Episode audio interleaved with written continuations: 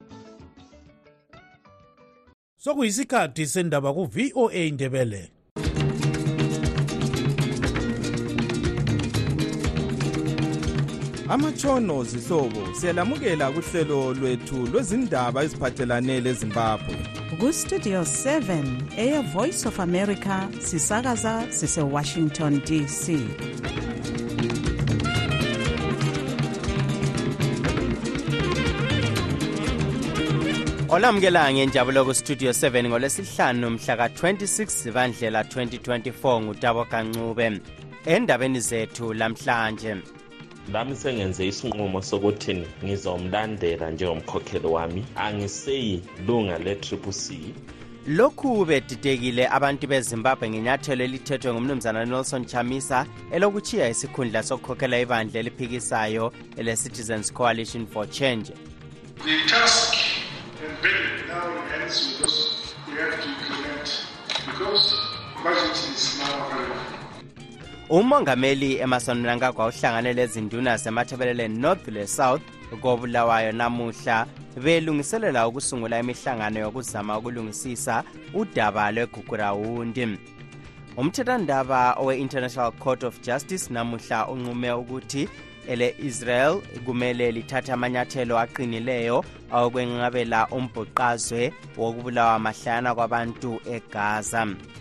zonke lezi ndaba lezinye lizozizwa kulo msakazo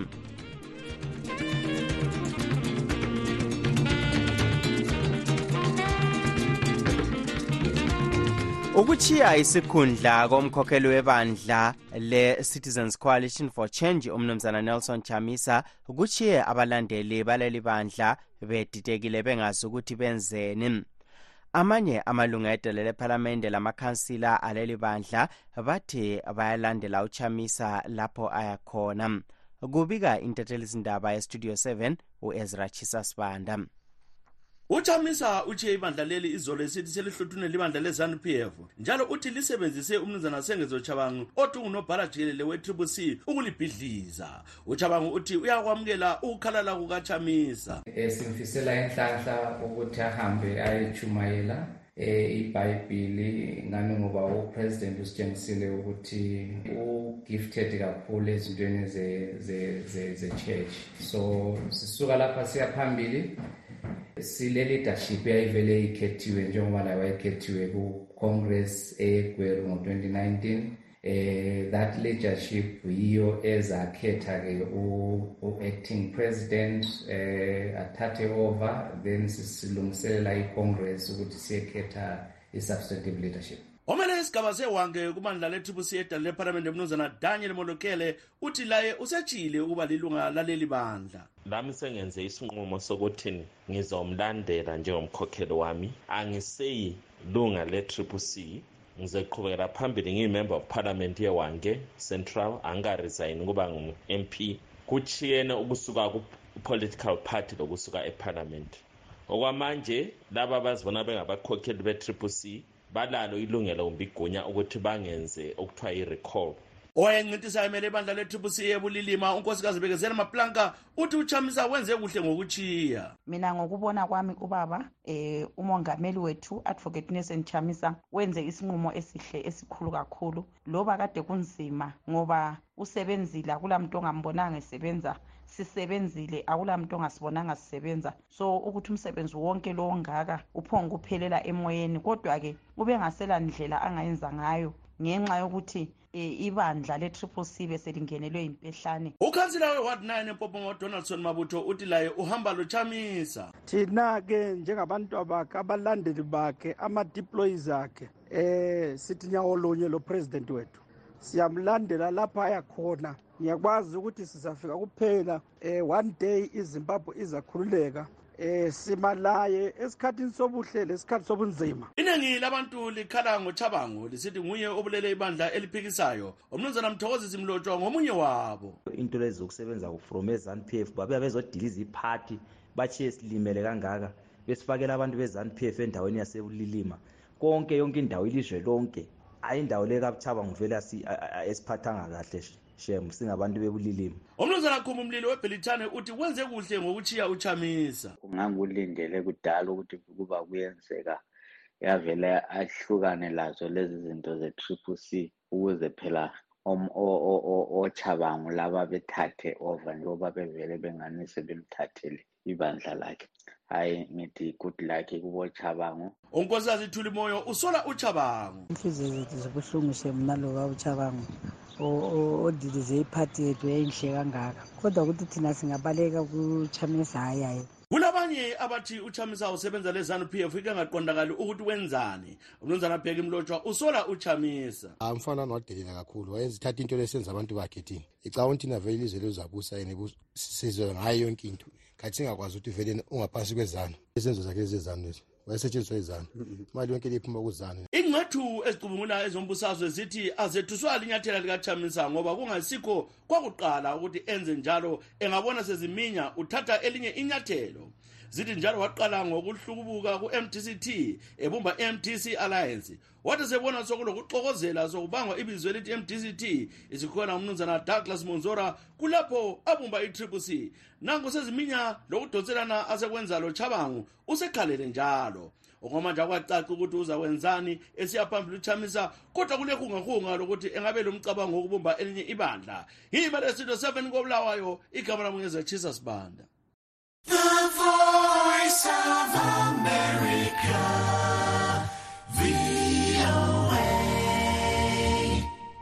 umongameli emerson mnangagwa uhlangane lezinduna zemathebeleleni north le-south kobulawayo namuhla belungiselela ukusungula imihlangano yokuzama ukulungisisa udaba lwegugurawundi lapho izinduna lezi ezizaphuma khona ngezigaba zisiyakhulumisana labantu abathintwa yilumbhuqazwe kubika u-anastasia ndlovu ekhuluma lezinduna lezi estate house kobulawayo umongameli mnangagwa uthe uhlelo lokulungisisa udaba lwegugurahundi lolu ngokukhumisana umlotha selufike esibangeni esiphezulu njalo imihlangano izaqala maduze. As already mentioned, this time around, um, Honorable Professor Mube has provided a budget for that. So the task and billion now in hands with those we have to implement because the budget is now available. uhlelo lelesaluqala lenkokheli zethu zomdabo izinduna selufike kusibanga esiphezulu kulesi sigaba esesikuso sesikhangelisisa indleko zakhona ukuze siluphutshise kuhle unduna khulumani mathema wematobo uthi umadala icala laye kumele angene imihlangano yokukhumisana umlotha le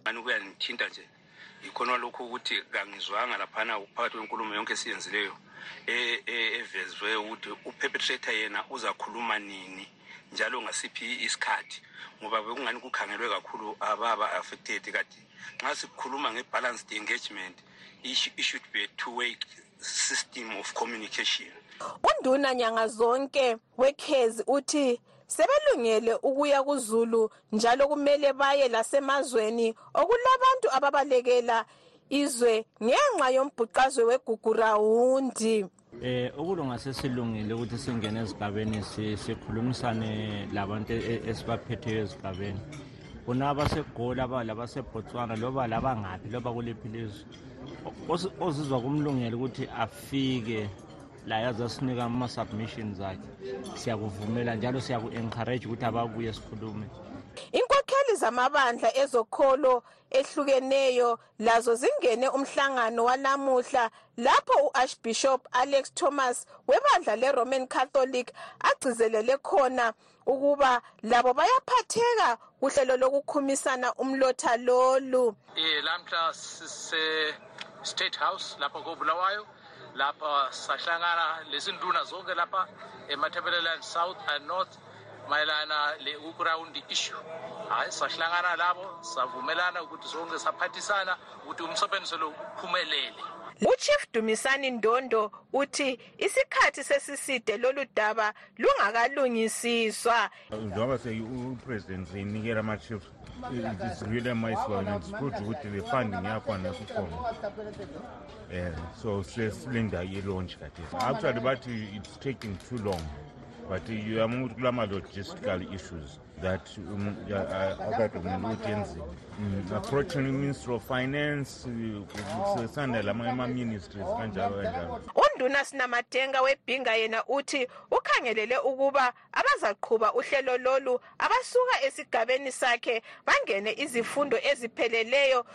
zokuqhuba lumsebenzi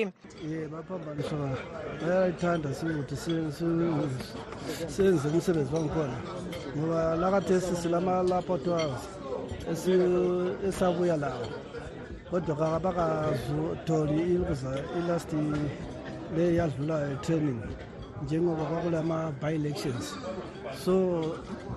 khonapho sithe thina enxeni kungazoba lenye i-training yabo ukuthi bagcwalise i-training leyana uhlelo lwegugurahundi genocide outreach lwasungulwa ngomnyaka ka-2019 kobulawayo lwaseluphuziswa yikuqhamuka kobhubhane lwe-covid-19 Abanye abalwela amalungelo oluntu bathi abalusekeli uhlelo lukahulumende lenkokheli zomdabu lolu ngoba lutshiya phandle ezinye izigaba zelizwe ezibalisa inkabazwe lebulawayo kanye labantu abayiziphepheli emazweni angomakhelwane labanye abathintwa yigugurahundi.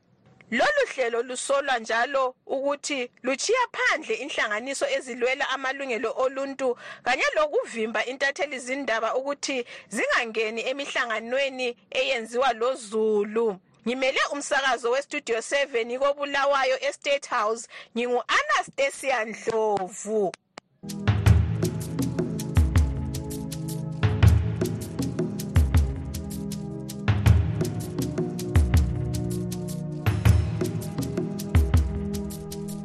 umongameli welizwe umnumzana emerson mnangagwa usekhethe njalo ujustice priscilla chigumba ukuthi aqhubekele phambili ekhokhela ikhomishini ebona ngokuqhutshwa kokhetho ezimbabwe electoral commission okweminyaka eyisithupha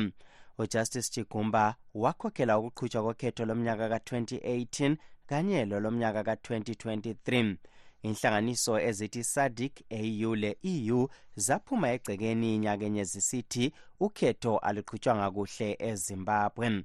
ukukhethwa kwakhe lokhu kutsho ukuthi nguye ozakhokhela ukuqhutshwa kokhetho lomnyaka ka-2028 okuhlaziya lolu daba sixoxa lolandela ezombusazwe njalo ekhokhela inhlanganiso ye-coalition for market and liberal solutions umnumzana rejoyce ngwenya um e, lokho kulisihlupho kakhulu inkinga ngoba nguye la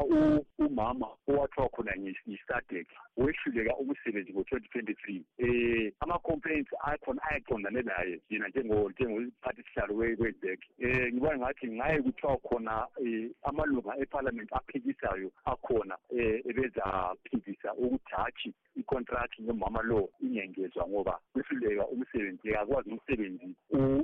uyasekela isekela izanu PF eh phinde akumanga kuhle eh, eh indaba lokhetho lapha eZimbabwe ujustice chigumba wakhokhela ukhetho luka-2018 loluka-2023 kulukhetho okubikwa lungaqhutshwanga kuhle ukukhokhela kwakhe ukhetho luka-2028 kutshoni kumbuso wentando kazulu ezimbabwe kutsho ukuthi lokhu kutsho ukuthi khona thabo ukuthi ukhetho lwezimbabwe alusize luvele um lube yinto ethandwayo ngabantu bezimbabwe kuzasala kulenkinga yokuphikisana um eh, kuzasala kulenkulumo zokuthi usiguma usekela kulohlangothi alusekelayo yikho bengithi mina ngayi kuthiwa khona kulamalunga ephalamenti aphikisayo akwazi umsebenzi bahle bafake khathesi bahle bafake ibill eyokuthi hatshi siyaphikisa ukuthi igumba abe ngu-caretaken or izet kutsho ukuthi vele ukuzibuse wethu izahlala esedakeni kungahambi kahle kulo kungenziwa na um ukuze oh, kulungisiswe udubo lolo um ngibona ngathi isiselo sombuso owethu thina owezimbabwe sezimbabwe kuyakhuluma ukuthi nxa um izizalwane kumbe izakhamizi kumbe um uzulu engathithisekanga um ngokufaka umsebenzi kwe-public officer um kuyakwanisa ukuthi abantu bayenze i-petition kupharlament bekhulumisa izizathu akhona okokuqala okwesibili um uzulu yakwanisa abe le-class action yokuhamba ku-supreme court aye-opposa i-absent kaCommissioner um eh, kulendlela eziningi kakhulu um ama-demonstrations asoze siwenze ngoba thina siphucukile kodwa ah, imithethandwaba imithethandwaba kumbe um iphalamenti i-petition um singatshengisa ukungasiseki kwethu um nge-appointment leyo lo ube ngumnumzana rejoice ngwenya olandela ezombusazwe njalo ekhokhela inhlanganiso ye-coalition for market and liberal solutions ekhuluma lestudio 7 ecingweni eseharare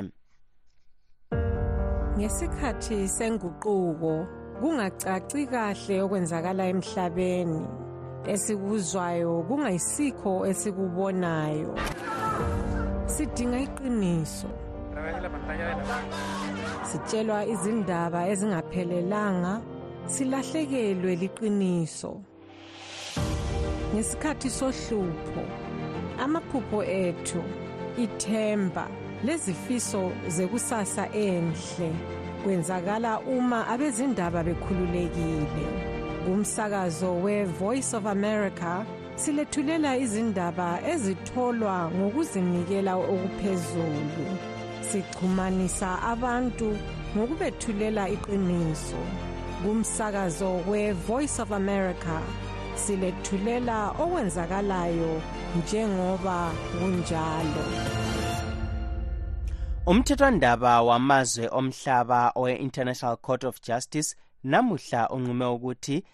i-israel kumele ithathe amanyathelo aqinileyo awokwenqabela umbhuqazwe wokubulawa mahlayana kwabantu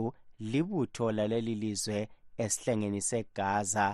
lapho elilisona khona leqembu lehamas i-israel imangalelwe nguhulumende wakwele-south africa yena owacela inkantolo ye-united nations le ukuthi imise ukuhlasela kwe-israel egaza isinqumo sanamuhla samukele ngenjabulo ngabaningi emhlabeni jikelele okugoqela izizalwane zezimbabwe lezakwele-south africa kubika uthuso khumalo umthethwandaba we-icj unqume njalo ukuthi ele-israel kumele limise ukuhlukunyezwa kwabantu begaza noma ngayiphi indlela ebathinta enyameni kumbe emoyeni uthe elezrayeli kumele libone ukuthi usizo lokudla lokunye uncedo oluphuthumayo luyafinyelela abantu bakwele-palestine abahlaselwe indlala emangalisayo ngenxa yempi eqhubekayo phakathi kwe-israyeli lehamas i-icj ithe njalo ele-israyeli kumele lijezise amabutho alo nxa ethe adala amacala ombhuqazwe abulala abantu bakhaza ngobuningi igenocide umahluli ulayele israyeli ukuthi lazise inkantolo ngemva kwenyanga ukuthi liyabe selithethe waphi amanyathelo ezinqumo ezethulwe lamhlanje izizalwane zakwele south africa lezezimbabwe zemukele izinqumo lezi ngenjabulo nangu umgcinisihlalo wenhlanganiso yezimbabwe community in south africa umnumzana nqabuthuma bhena sitshayela ihlombe isouth africa ngokuthi ihambise uhulumeni wase-israel enkantolo enkulu eyomhlaba izinto ezaphakanyiswa eh, nguhulumende wesouth africa um inkantolo enkulu yomhlaba ivumelane lazo abanye bathi kuyadingeka impela ukuthi ele-israyeli livinjwe yinkantolo yomhlaba ukuqhubekela phambili lihlasela igaza ngoba ukwekelwa kwezenzo ezinjalo kuyikho okwabangela ukufa kwezinkulungwane zabantu ezimbabwe ezigabeni zamathebeleland lasemidland ngesikhathi sombhuqazwe wegugrawundi esinye isizalwane sezimbabwe njalo intatheli umxolisi ncube uthi loba nje izimbabwe ibhekane lezayo inhlupho kufanele abantu bakujabulele ukuphepha kwabanye into eyenzakala lapho kufanele ukuthi lathi singamazimbabweans lanxa siphakathi kwenkinga engakanani kwezombusazwe sizwelane labantu basepalestine ngoba kuyafiwa and kufa kakhulu abantu abangasimasotsha ababizwa ngesilungu kuthiwe ngama-civilians befela into abangayithandiyo bona angicabangi ukuthi abantu basepalestine bonke bayayithanda um ihamas esinye njalo isizalwane sezimbabwe sihlala kwele south africa umnumzana davison mbambo laye uthi basemukela ngezandla zombili lesi sinqumo ngoba sivikela impilo zabantu kuzasinceda kuzoyenza nje ukuthi abantu be-israyeli bame nje ukubulala abantu kuzosiza futhi ukuthi abantu basepalestine ah, bangalambi ngoba uyabona nje imbi le okuhlaselwa kwabantu basepalestine bekuphambanisa yonke into abantu bayagula abantu bayalamba abantu bayafa so mina ngiyajabulela kakhulu ngoba konke lokhu kuzoma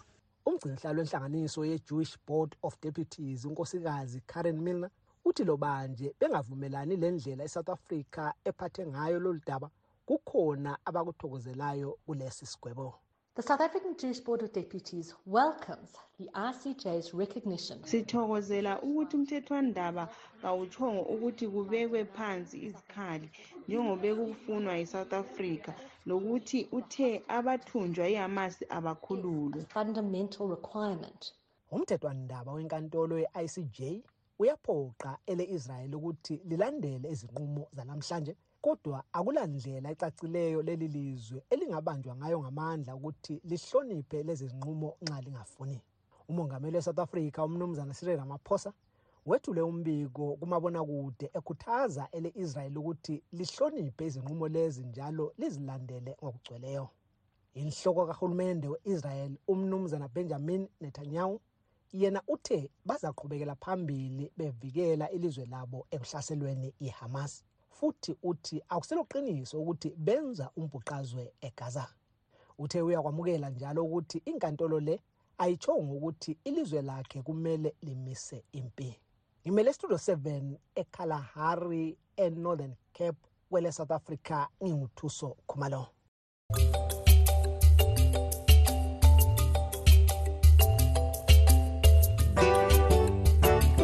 okwakhathesi ke sizwe imibono yabalaleli Sitho seven siyabingelela eh yazi yonke into esesenzwa izanu manje sisegcikeni njenge njengengemuva embuzi eh sibona umhlaba wonke uzihambi zihambi lezanu bafuna ukuthatha imali ye-TPC beyinikeze uchabango eh uchuma lento ayikhulumayo uyaphupha emini langatshisa ukuthi yena kade ezowina kulo-osterosis bakhiphe i-osterosis ngoba efuna ukumfaka yena njengomuntu lwana ofakwayo nje wangeniswa ngebhekdo ngoba sebehlulekile ukungena kobulawayo nxa ukuthi laba abantu abasabafuni sebexotshwa abasafuneki sebefana lezintsha nje ezinukela abantu uchabango wenza ifraud ifraud ayenzayo ibonwa ngumhlaba wonke amakhothi ayamfeva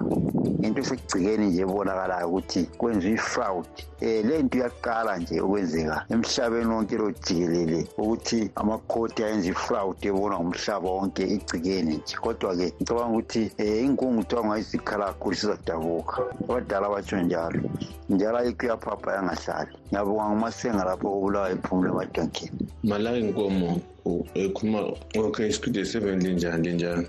ngikhuluma lo mncedisi isithumi ngala inkomo yekela uba la manga uhulumende okhona uncedisa ngaphela izweni nguye vele uyezidulwa liwe uncedisa kukuphi akancedisi ndawo nguye vele lobulalawo ungathi benze ipahlamukela uhulumende yini ayenza uhulumende wakho nje idolwa lingaphi ngala inkomo ukhulile ngumuntu omdala afunda ukukhuluma iqiniso wayelithanda ukugogo sintu likwazi into rongo yiphi ngabe kanti inkukhu zami ngabe liyatsho ukuthi uhulumende uyisa idola athi ngoba inkukhu zami lisapotana ezani liqamnto ezilama ngavele ngiyoluyisa idola kenzilu mala inkomo ufunda ukukhuluma iqiniso umuntu omdala okhulileyo ngabokho ukhuluma into zamanga la linjani bathakazi abahle nonke ngezindawo asiboneni-ke ukuthi ujobhu sikhala uzokhitshwa um ejele ngefree bail nakhona if uma kungaba khona ukuthi abuyele entolongweni wona lawo majaji amgwebayo lawo majaji amgwebayo kumele ukuthi nabo sibavulele icase ngoba siyabona ukuthi amajaji wonke lapha emakhothi asebenza uhlangothi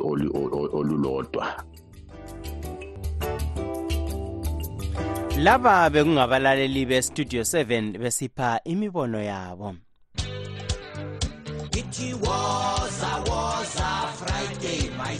kuhlelo woza friday liviki sihamba lomculi womdumo kamaskandi ubig boy ndlovu ozibiza ngokuthi ngunkunzi emnyama umfana kamalinga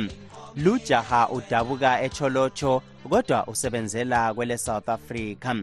lapha uphethe idlalade lakhe elitsha eliyelengoma ezinhlanu nangu exoxa lo ntungamili nkomo owestudio 7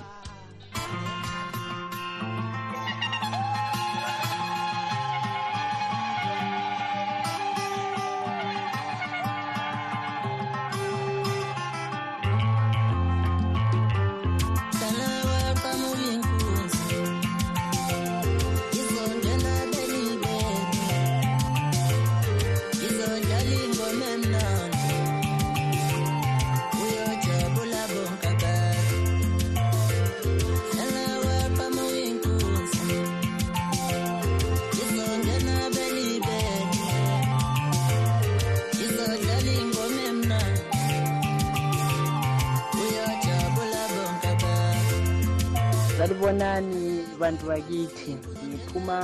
etholojo ephelandaba ngikhulele khona lapha ephelandaba um eh, kanti-ke ngingumfana-ke oqale manje ngiyokucula kulo nyaka esiphuma kuwo u-2023 ngiqala nje ukucula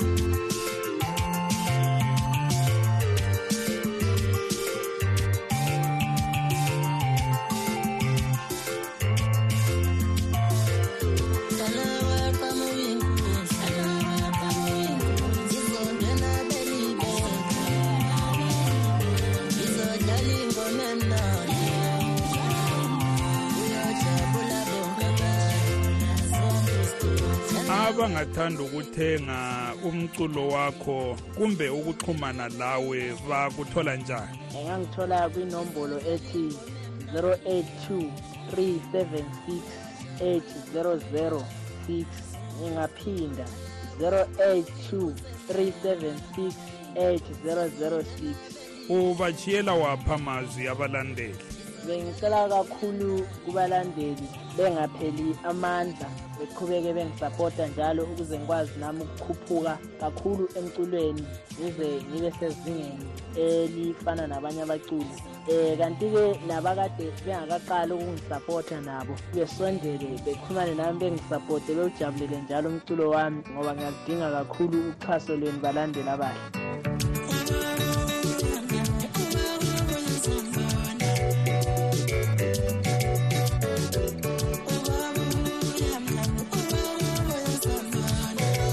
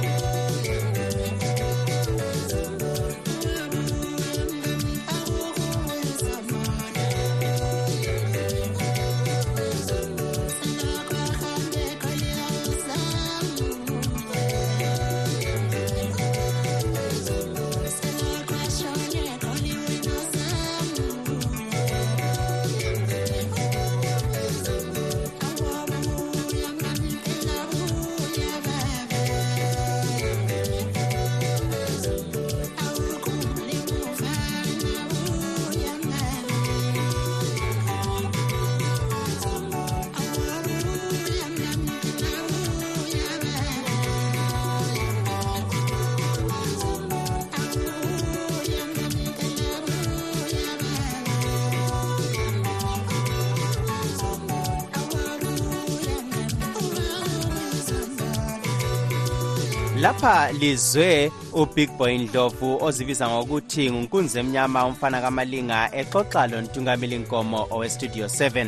lingakhohlwa uhlelo olulandelayo live talk namhlanje siqhubekela phambili sikhangela udaba lwenyathelo elithethwe ngumnumzana nelson chamisa elokuchiya isikhundla sokukhokhela ibandla le-triple c singakehlukani zihlobo wothi sikhangele ezinye zendaba ebezikhokhela lokhu bedidekile abantu bezimbabwe ngenyathelo elithethwe ngumnumzana nelson chamisa elokuchiya isikhundla sokukhokhela ibandla eliphikisayo ele-citizens coalition for change esithi leli bandla selithunjwe yizanu p f silugqiba-ke lapha uhlelo lwethu lanamhlanje olivalelisayo ngudabo kancube lisale